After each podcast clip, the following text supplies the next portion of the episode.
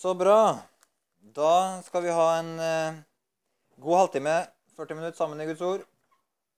Jeg skal ha første del, og Arne Olav vil del eh, gå på etterpå. Og vi skal starte sammen i, i Markus kapittel 1. Og fra vers eh, 9. Der eh, leser vi om eh, Jesus som blir døpt.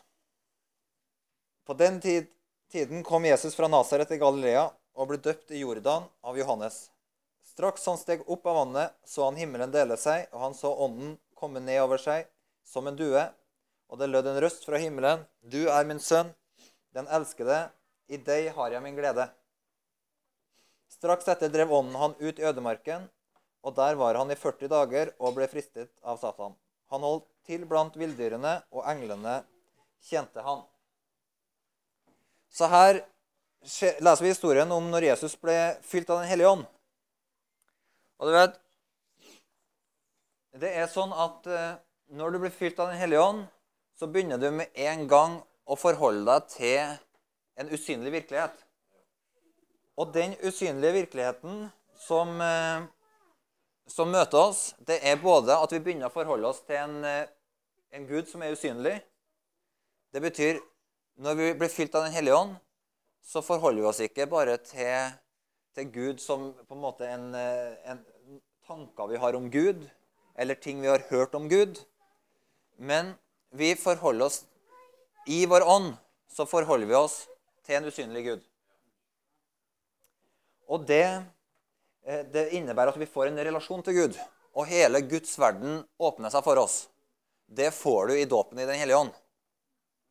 Og ikke bare får du et en, en forhold til en usynlig Gud og begynner å leve i en relasjon til Gud, men du blir også en del av en usynlig kamp. For nå skal jeg fortelle deg en, en hemmelighet at før du møtte Jesus og ble fylt av Den hellige ånd, så var du ikke en aktiv del av den åndelige kampen som vi leser i Guds ord at er i den verden som vi er en del av. Det betyr ikke at du ikke var berørt av den åndelige kampen.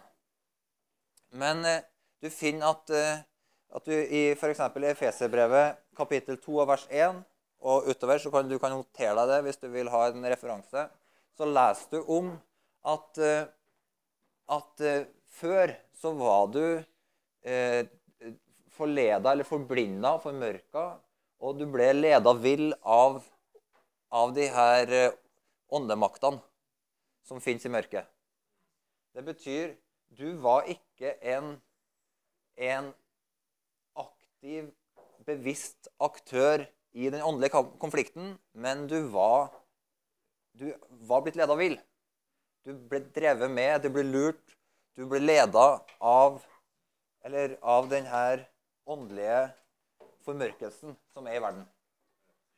Så det, så det som, som skjer når du blir, møter Den hellige ånd, det er at ikke bare går du fra å være, en, være ubevisst om det som skjer i det usynlige eh, det vil si, En del mennesker har jo en viss bevissthet om det, men, men du har ennå ikke forstått det på rett måte. Du kan ha en del åndelige erfaringer. Du kan oppleve at det fins noe mer i dette livet enn det du kan ta og føle på. Men du er ikke en bevisst aktør. Og til og med dem, til og med mennesker som eh, dyrker den onde til og med dem forstår heller ikke virkeligheten slik som en åndsfylt kristen gjør. Fordi at de er en del av formørkelsen.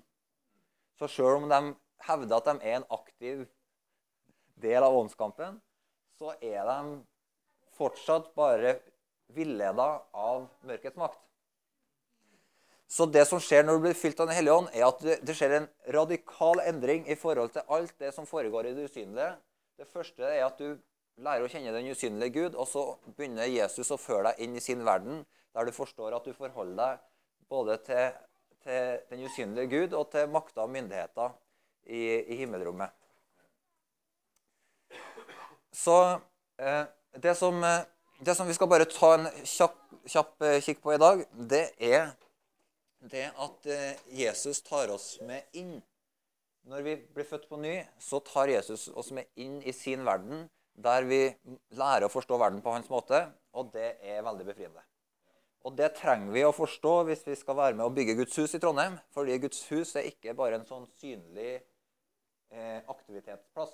Menigheten er ikke en sånn sted, bare en sted der det, vi forholder oss til det synlige, men det er også et sted der vi forholder oss til det usynlige. Så da, så da vet vi at idet vi blir fylt av Den hellige ånd, så ble vi faktisk en, en maktfaktor i den usynlige kampen. Ok? Det betyr at, at før så ble du drevet med, men nå ble, da du ble fylt av Den hellige ånd, så ble du en aktiv, bevisst eh, aktør den, i det i forhold til det usynlige. Og ikke bare ble du en aktiv, bevisst aktør, men du, har, du kommer med himmelens autoritet og tyngde. Som betyr at når du er et sted, når du forkynner evangeliet, eller når du er i berøring med mennesker, så, så er det sånn at det at, det at, du er, fylt av Den hellige ånd, betyr at du representerer Guds rike, som er den styrende faktoren i verden. Og alt som står imot Guds rike, må forholde seg til deg på en ny måte. Så det betyr at når du ble fylt av Den hellige ånd, så ble du fylt av all Guds makt er med deg. Sånn som Jesus sier i misjonsbefalinga. Se, jeg er med dere alle dager inntil verdens ende. Og det kan vi si han er det med sin ånd. Med oss hver dag. Og det, så det innebærer at idet du ble fylt av Den hellige ånd, så, så, fikk du en kraft og en styrke som innebærer at han som er i deg, er sterkere enn han som er i verden. Og det trenger du. Fordi at fra å være et offer for denne usynlige eh, kampen, så har du nå blitt en aktiv aktør. Det betyr at du har heller aldri hatt så mye motstand som du opplevde etter at du ble fylt av Den hellige ånd. Ok? Så hvis du har opplevd det, at etter at du ble fylt av Den hellige ånd, så har du opplevd kamp på en del områder som du før ikke tenkte at det var kamp på, så er det bare veldig enkelt fordi at du har blitt en aktiv eh, aktør på, i den usynlige konflikten. Ok? Så det, så det, er kjempeinteressant. Så når vi leser om Jesus her, så ser vi da at, eh, at ånden tok en med ut i ødemarka. Det var for at han skulle bli sterk i, i, i sin ånd. Han begynte å søke Gud. Og så merker vi at det med en gang å gjøre denne usynlige kampen aktuell. Det står at uh, han ble frista av Satan, men at englene var kjent den. Nå, når vi får åpna øynene våre, så, så forstår vi også det at det er faktisk sånn at Gud har engler som er med og tjener oss. Det syns jeg er fantastisk. Jeg og Adele vi har bestemt oss, vi ber titt og stadig om at vi skal få se en engel snart. Ikke sant? Vi har veldig lyst til det. Og det tenker jeg er en helt legitim bønn. Fordi at englene er med oss. Men, eh, og i Bibelen så er det full av beretninger av mennesker som ser engler. Så, så, det er noe som vi kan forvente. Og det er ingenting galt i det. Det er helt OK. Eh, og du trenger ikke å gå noen engleskole eller noen sånne ting. Du trenger bare å, å holde deg til Jesus, og han har masse engler med seg. Så, og vi opplever at Gud griper inn. Eh, og, og, og, av og til så kan vi si at vi har hatt englevakt og sånne ting. Og da har du nok hatt akkurat det. Men med, når vi da leser om Jesus her, så er det viktig å forstå at Jesus hans undervisning til disiplene sine om det usynlige, den var ikke bare eh, Hva skal jeg si Det var ikke sånn at disiplene til Jesus de hadde med seg en ferdig forståelse av den usynlige virkeligheten fordi at de levde for noen tusen år siden der de trodde mer på sånne ting enn i dag. Når du leser historien om hvordan Jesus forklarer usynlig virkelighet, så må du forstå at det er Jesus, det er, det er Guds skole for å forstå den verden som vi er en del av. Eh, la oss ta, lese et avsnitt fra apostelgjerningene sammen. Og det er i Skal vi se I apostelgjerningene eh, kapittel 23. Der eh, skal vi lese fra vers 6.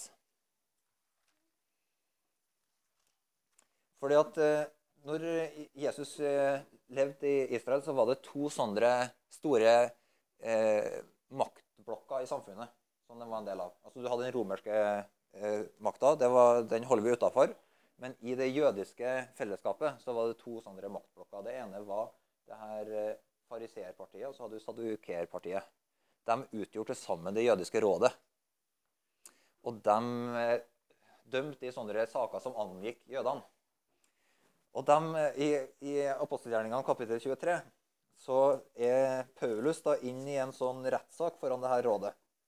Fordi at eh, Paulus sin rettssak hadde jo utgangspunkt i spørsmål som angikk jødisk tro og skikk.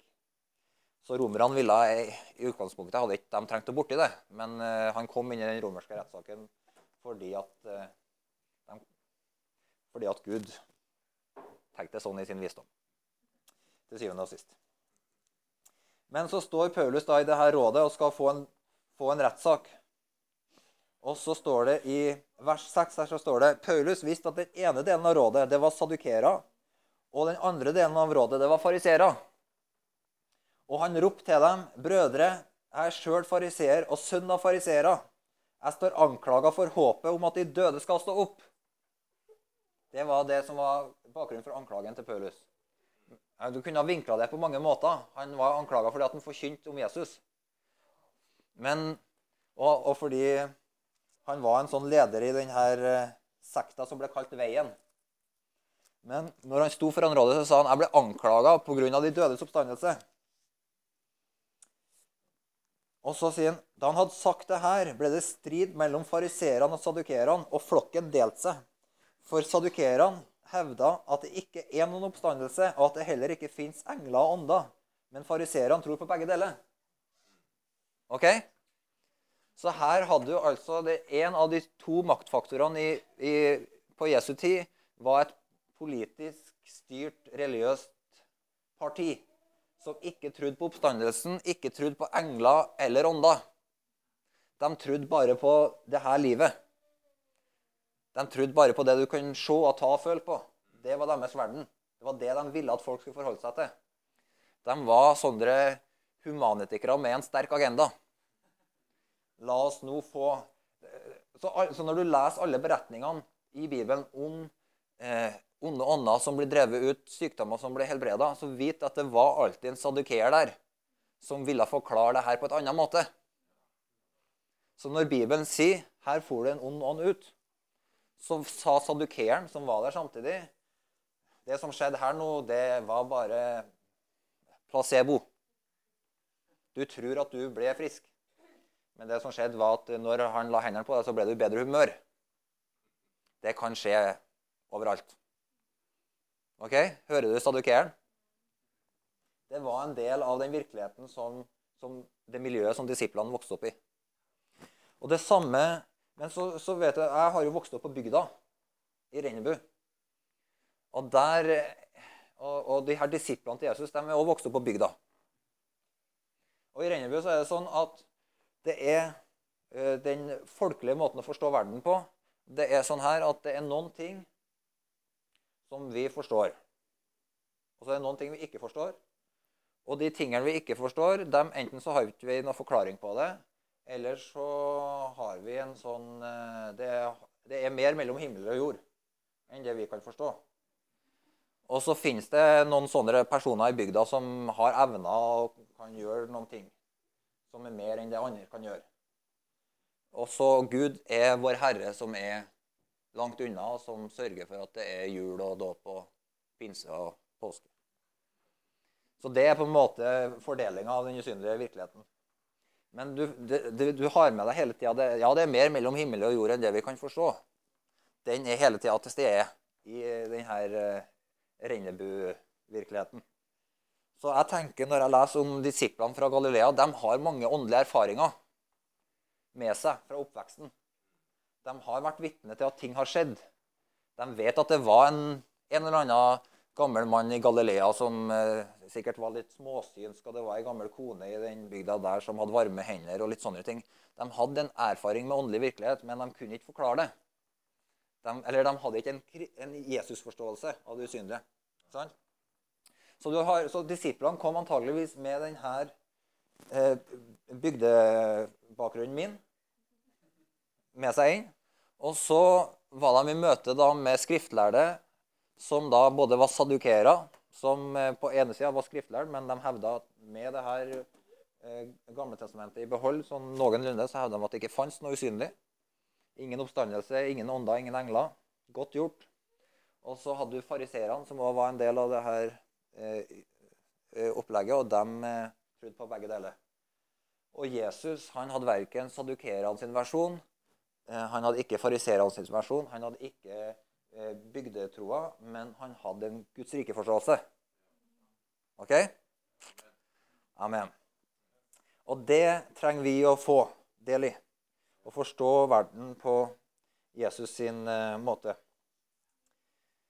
Åh, det her, Jeg blir jo litt engasjert, så jeg må bare se at jeg har plass til det min kjære bror og venn Arnondal skal inn her.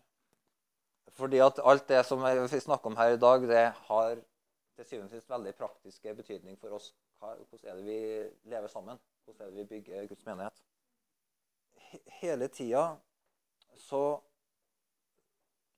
retter Jesus oppmerksomheten sin mot den åndelige kampen. Når han snakker om, eh, til disiplene sine om det oppdraget de står i. Når han sender dem ut, så sier han helbred syke, kast ut demoner, eh, forkynn evangeliet. Eh, han, han, sier oppdraget deres har med det her åndelige bakteppet å gjøre. Eh, å forkynne evangeliet er en del av en åndelig kamp. Vi skal gå sammen til, til å lese en, en lignelse. Kapittel 4 i Markusevangeliet. Hvor Jesus snakker om at det å forkynne evangeliet er en del av kampen som vi står i. I kapittel 4 vers 2 så står det Han underviste dem om mange ting og la fram sin lære lignelser. Hør, sa han, en såmann gikk ut for å så. Og da han sådde, falt noe ved veien, og fuglene kom og tok det. Noe falt på steingrunn hvor det var lite jord, og det skjøt straks i været fordi jordlaget var tynt. Eh, men da solen steg, ble det svidd og visnet fordi det ikke hadde fått slå rot. Noe falt blant tornebusker, og tornebuskene vokste opp og kvarte det, så det ikke bar frukt. Men noe falt i god jord. Det skjøt opp og vokste og bar frukt, 30, 60 og 100 ganger det som ble sådd. Og han sa, den som eh, har ører å høre med, hør. Da han var blitt alene med de tolv og de andre som var med han, spurte de han om lignelsene. Han svarte, til dere er hemmeligheten om Guds rike gitt. Men til dem som er utenfor, blir alt gitt i lignelser, for at de skal se og se, men ikke skjelne, høre og høre, men ikke forstå, så de ikke vender om og får tilgivelse. Og han sa til dem, når dere ikke forstår denne lignelsen, hvordan skal dere da forstå noen annen lignelse? Så denne lignelsen som Jesus snakker om i såmannlignelsen, er en lignelse som forklarer en Guds rike-hemmelighet, og som er en lignelse som hjelper oss til å forstå alt annet. Så han sier såmannen sår ordet. Her er forklaringa. De ved veien er slike som, hører, slike som ordet slike som ordet blir sådd i. Men når de har hørt det, kommer straks Satan og tar bort ordet som blir sådd i dem. Ikke det interessant? Det første Jesus lærer dem om hemmelighet om Guds rike, det er at når ordet blir sådd, når det blir forkynt et evangelium, så er det alltid en åndelig kamp der. Ok? Det er sånn at, at du kan gå rundt i den hverdagen du befinner deg i, og ikke oppleve at kampen spisser seg til. Ikke opplev press, ikke opplev ubehag, ikke opplev eh, en åndelig konflikt. Men idet du åpner munnen og begynner å forkynne Guds ord, om det være seg å fortelle Det kan være så enkelt som å si til en, eh, en venn, en studiekamerat, en kollega, og si veldig enkelt Vet du, Jesus han er så god mot meg. Han har gjort det her i livet mitt denne uka. Han helbreda meg denne uka. Han, eller Jesus elsker deg. Med en gang du begynner å bringe Guds ord inn på banen, en gang du begynner å forkynne evangeliet, og, og jo mer du forkynner av evangeliet om Guds rike, nemlig om at Jesus har overvunnet døden, reist opp sitt ved Guds høyre hånd, er konge, og befaler hele verden å vende om til Han. Jo mer du forkynner av det evangeliet, jo mer vil du merke at denne kampen tilspisser seg fordi at det fins en mørkets makt som ikke vil at dette budskapet skal ut. Så det som vi leser her, er veldig enkelt. Jesus sier hver gang ordet blir sådd, så er det en Satan der som prøver å ta det vekk. Med en gang du forkynner ordet, så er du en del av en åndelig kamp.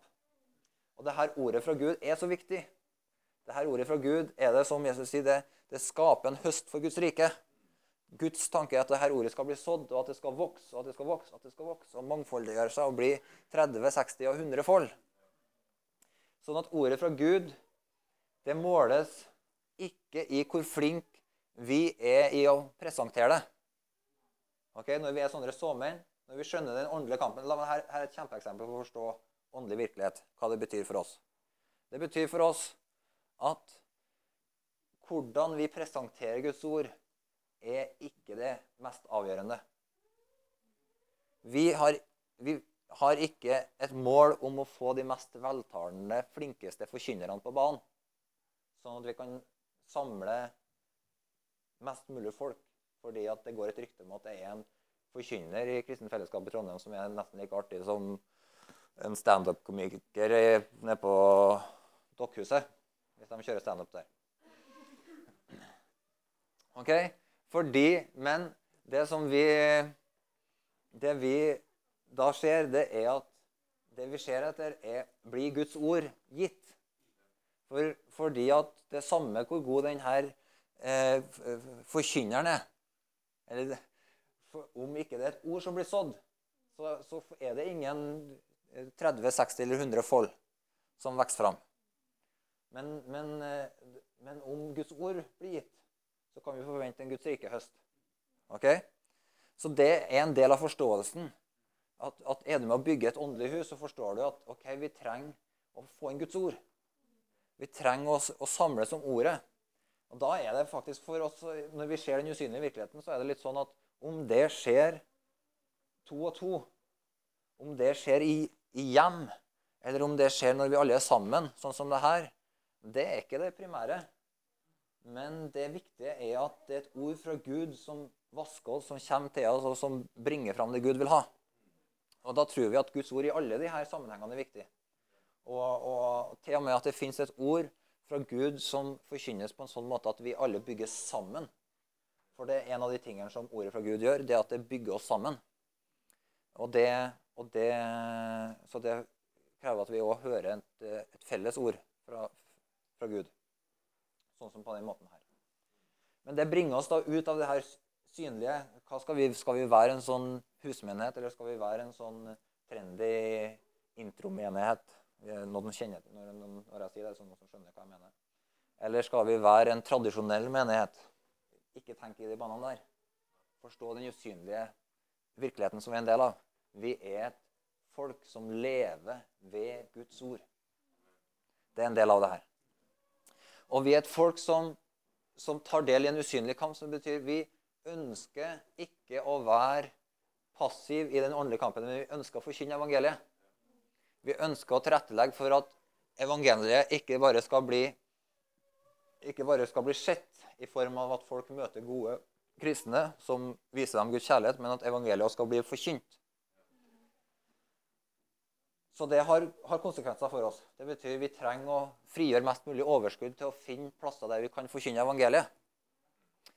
Og så, vi, så, forstår vi at det er ved det her ordet fra Gud at, eh, at eh, de ungene som er mellom oss, vokser opp og blir sterke i Gud. Så vi trenger sammen som familie å gi oss til at de ungene som vokser opp mellom oss, får næra seg ved ordet fra Jesus, så de kan bli sterke. De blir fortrolige med Den hellige ånd en del av det å bygge Guds hus. Vi skal ikke gå noe mer inn i denne såmannlignelsen. Og det kan godt hende at vi på en senere anledning skal gå enda mer inn i og se mer på hele Jesus sin forståelse av den usynlige virkeligheten. Men eh, jeg tenker at det er det som jeg ville dele nå, og så kan Arne Olav få komme og dele litt videre eh, mer om hva, hva ser vi praktisk for oss eh, utover våren i, i lys av eh, hva er det Gud taler til oss om, og hva, hva forstår vi i lys av Guds ord. Og da kan eh, skoleungene få bli med meg. Jeg har lyst til å bare kommentere litt på det Håvard, eh, det bildet han maler ut her. da. For Jeg vet Når han snakker om at vi, vi står i en åndelig kamp, og at vi, at vi forholder oss til den usynlige verden, så, er, så kan jeg at folk har litt forskjellige erfaringer og litt forskjellige assosiasjoner som, som ikke hjelper oss helt i det her. Jeg har i hvert fall i den vandringa jeg har hatt eh, siden jeg tok imot Jesus som jeg var 17, når jeg var 17 år, jeg ble født på ny da, så har jeg jo vært med på litt forskjellige ting, forskjellige konferanser, for det var jo litt sånn eh, innom forskjellige sammenhenger òg. Før, eh, før, vi planta menighet her i 2002. Og eh, en del plasser så er, så er jo det med eh, åndelighet og åndskamp og usynlige realiteter blir fort veldig rart. Det blir veldig merkelig, en del ting. Eh, sånn at når vi snakker om, om det å kjempe i usynlige realiteter, så, så er det noe som vi kan så er det noe Gud vil at vi skal gjøre med de kroppene og med, de, med den personligheten vi har. Vi kan være veldig jordnær, praktisk, menneskelig på, og omgjengelig på alle mulige måter, men samtidig være utrolig åndelig. Fordi at Gud, når han skapte oss i sitt bilde En av de tingene som han gjorde da, det var at han skapte oss til å snakke. Ikke sant? Og når vi snakker, så er vi inne i den åndelige kampen. Å, vi trenger ikke å rope, vi trenger ikke å skrike, vi trenger ikke å, å stå og kauke til, til usynlige krefter som vi, som vi, lurer på fins en eller annen plass, i, enten i rommet eller i men, men, vi kan bare, når vi snakker til mennesker, så snakker vi ikke bare til mennesker, men vi snakker inn i en åndelig kamp. Eh, og det gjør vi uansett om det er én person som hører på, eller om det er mange som hører på. Så er vi midt i den kampen da. Og sånn at vi trenger ikke vi, når, vi, når vi blir åndelige, så trenger vi ikke å bli rar. Men vi, men vi trenger å, å, forstå hva vi holder på med. Sånn at eh, Når Håvard maler ut det bildet her om at når, vi, at når Jesus skal forklare oss Guds, hvordan Guds rike fungerer, så forteller han lignelsen om såmannen så er det betydning av det å si ting, av det å snakke, som mennesker hører på. Da er vi, da er vi i kampen, altså. Da er vi der vi skal være. Og, og, og, da er det på en måte det at det blir reaksjoner, det at du ser at eh, ansiktsmimikken eh, begynner å bevege seg når vi, når vi sier ting som vi vet er sant, så vet vi at da holder vi på med et viktig arbeid her. Nå, nå, er det litt underordna hva folk tenker om meg, om de liker meg. For det, det, har ikke noe betydning. Når Gud jobber, så har det ikke noe betydning om folk liker oss. Men når vi gjør et arbeid for Gud ved å snakke, så, så, så gjør vi et åndelig arbeid da, som, som, Bibelen egentlig oppmuntrer oss veldig på. Vet, litt lenger ut den lignelsen som Jesus, som Jesus forteller i Markus 4 her. Håvard leste jo i starten. Så sier jo Jesus da og han sa med Guds rike er det slik Det som når en mann har sådd korn i jorda. Han søv og står opp. Det blir natt og det blir dag, og kornet spirer og vokser. Men han vet ikke hvordan det skjer. Av seg sjøl gir jorda grøde. Først strå, så aks, og til sist modent korn i aks. Så snart grøden er moden, svinger en sigden, for høsten har kommet. Sånn at når vi har fått sådd, så kan vi overlate til Gud. Da er ikke, da er ikke den umiddelbare responsen det, det, viktige. Om folk protesterer, om folk er uenige, så er det egentlig ikke, det er egentlig ikke så veldig viktig sett med åndelige øyne. For da har vi fått sådd. Og da, da lover Bibelen oss at da, da, kan vi la det gå litt av seg sjøl. Så jobber Gud. Så kan vi be selvfølgelig og kjempe i bønn. Det er viktig. Eh, men, eh, men får vi sådd, da kan vi på en måte slappe litt av. Sånn, da trenger vi ikke å stresse og tenke at det her å koble på det menneskelige moduset hvor vi driver og overbeviser og manipulerer og, og, og skal vinne diskusjoner og være mest mulig veltalende, det, det, er egentlig ikke den banehalvdelen Gud vil ha oss på. Men Gud vil eh, trene oss i å få den forståelsen som, eh, som Håvard malet om. Da. Så Eh, den eh, virkeligheten her, den skal vi på en måte eh, jobbe litt med. For i hvert fall når jeg summerer litt for mitt eget liv, så, så ser jeg at her har jeg land å innta. Så for å bli litt sånn personlig så opplever jeg at Gud har utfordra meg veldig på å virkelig innta tingene der. På det å, å forkynne evangeliet, det å få delt om Jesus. inn i Jeg har jo så mange relasjoner eh, som jeg har over mange år. Og det å virkelig få, få sådd og vanna der det har vært sådd tidligere òg, det er et åndelig arbeid som jeg opplever for min del at Gud utfordrer meg på. Eh, og, og Håvard, Håvard har sagt at jeg skal være litt mer konkret, da. Eh, vet, den retningen, vi, vi, er jo en bevegelse som, som, eh, som, styres av profetiske ord. Det er veldig viktig for oss å bygge på apostler og profeter sin grunnvoll. Vi er ikke, vi er ikke kalt til å være en bevegelse som, eh, som henfaller til tradisjoner og henfaller til, til gammelt brød. Men vi ønsker å være en bevegelse som, som bygger på Guds ord, og som, som når, da, når, Bibelen snakker om at vi bygger på apostler og profeter som grunnvoll, så ønsker vi å la det, la det få den plassen som Gud vil ha. Det er jo heldigvis sånn at det er alltid samstemmig med Guds ord å bygge på apostler og profeter som grunnvoll. sånn at det, det er sjelden store overraskelser i, i, den retningen Gud vil ta oss. da. Og Hvis vi, hvis vi skal summere litt hva vi opplever Gud har talt til oss den siste tida, så, så, så er det det understreker den betydningen av å forkynne evangeliet. Det har vært på en måte essensen i alt det som vi har, som vi har fått som eh, profetiske ord. Så, så, har det vært essensen. Det var, det var gjennomgangstonen eh, på Lys- og salt-konferansen i fjor. Det var noe som eh, Det var en sånn ledersamling i Bergen forrige helg hvor Erling Thu brakte et profetisk ord om at, det, om at det er tid for å forkynne evangeliet. Det er tid for å knytte nye kontakter, det er tid for å stå i den utvidelsen som Gud har. Det er jo ikke noe overraskelse. Jesus har jo allerede sagt det. ikke sant?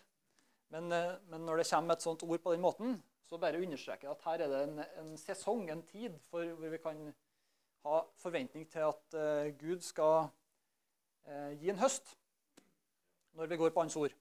Sånn at Det er ikke sånn at eh, når det her går over, så skal vi slutte å forkynne evangeliet. Men at når Den hellige ånd oppmuntrer oss i den retningen, så er det noe vi trenger å akt på. Noe som vi trenger å å, ta med inn i vårt eget bønneliv og tenke Gud, hva, hva vil du med, i mitt liv med de tingene her? Og, ja, og jeg, så jeg føler meg for min egen del veldig utfordra på det her. Så når vi da eh, legger planer for våren, så, så gjennomsyrer dette her planen. Og likeens eh, profetord som vi har fått før òg, hvor, hvor, eh, helt siden vi starta 2002, så har dette med bønn vært noe som har vært gjennomgangstonen en, eh, alle profetårene vi har fått her, har vært en oppmuntring til at når vi ber og søker Gud og virkelig innvier oss for Herren i bønn, så vil eh, veksten komme ut, springe ut fra, fra den. Bønn blir en sånn fødestue for oss. Det er der vi eh, bygger huset. ikke sant? Det står i det er Malaki, Gå opp på fjellet og hent tømmeret og bygg huset mitt. Så jeg er veldig glad at Steffen og Solgunn dere fikk jo en e-post de fleste her, om, om det med bønnesamlinga hjem til dem annenhver tirsdag. Det er en sånn respons på at, på at eh, Gud har talt om betydninga av bønn. Og da, da, en, eh, da, får jo det noen praktiske konsekvenser. Så ta med det hjem og på en måte tenk litt på hva betyr dette for meg. Det med at Herren kaller oss til bønn. Hva, hvordan skal jeg finne tid til det på en god måte? Jeg tror, jeg tror eh, Gud har noe for oss i der. og at eh, Når vi innvier oss til Gud i bønn, så kan vi ha en forventning om at Gud vil ta oss videre. Gjennom kunnskapsord og, og profetiske ord som, som, tar ting litt mer konkret for oss. Når det gjelder det med å forkynne evangeliet, da, så, kommer Arne og Kjersti Skagen på Viken, eh, som vi skal ha på Oppdal i april. Eh, de har jo vært sammen med oss før òg, eh, og har jo en, en, gave i det å utruste folk til å ha fokus på å vinne mennesker og til å leve inn Hellig Ånd. Sånn at eh, den helga blir viktig. Og likeens mye av de søndagene som vi har framover nå. Når vi flytter til Hemdalen, så får vi mulighet til å, til å ha bedre barnesamlinger. Og da blir det måte, mye mer praktisk å, å bruke mer tid i lovprisning og Guds ord òg enn, det vi har fått til her på Berg. Så, så han, når Håvard står og jubler her over at vi har fått Heimdalen, så, så er det en grunn. Da føler vi at nå kan vi nå kan vi få eh, gå videre i det å være et folk som lever av ånden og ordet. Ja, som mye av søndagene så kommer vi til å, til å, gå videre på her. Utforske hva, hva mener vi egentlig når vi snakker om å forkynne evangeliet. Sant? Hva, hva ligger i det?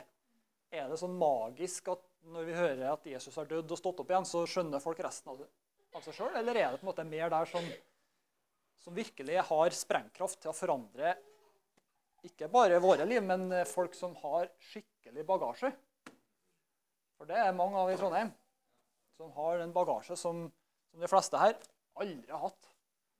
Og evangeliet er kraftig nok til å, til å forandre sånne mennesker sitt liv. Jeg må si sånne, for jeg er ikke blant dem sjøl. Jeg har hatt en eh, veldig fredfull oppvekst. Men der, der, trenger vi å virkelig gå inn i evangeliet og bare gjenoppdage de sannhetene, sånn at vi, sånn at vi kan være frimodige med dem. For jeg må oppleve at Etter jeg var til Bergen og, og, og ble skikkelig utfordra av Gud, så har jeg bare blitt så forelska i Jesus igjen. altså. Jeg bare, der, der jeg kanskje før har, har, har kjempa litt med menneskefrykt og, og liksom tenkt Eller når jeg går og handler på Obs, så bare blir litt sånn delt. Skal jeg, skal jeg gå halvsirkelen rundt, eller skal jeg treffe gamle kjente? Det er bare Jeg er litt sånn. Jeg kan være litt feig på det, altså. Det er, før har jeg vært det, i hvert fall.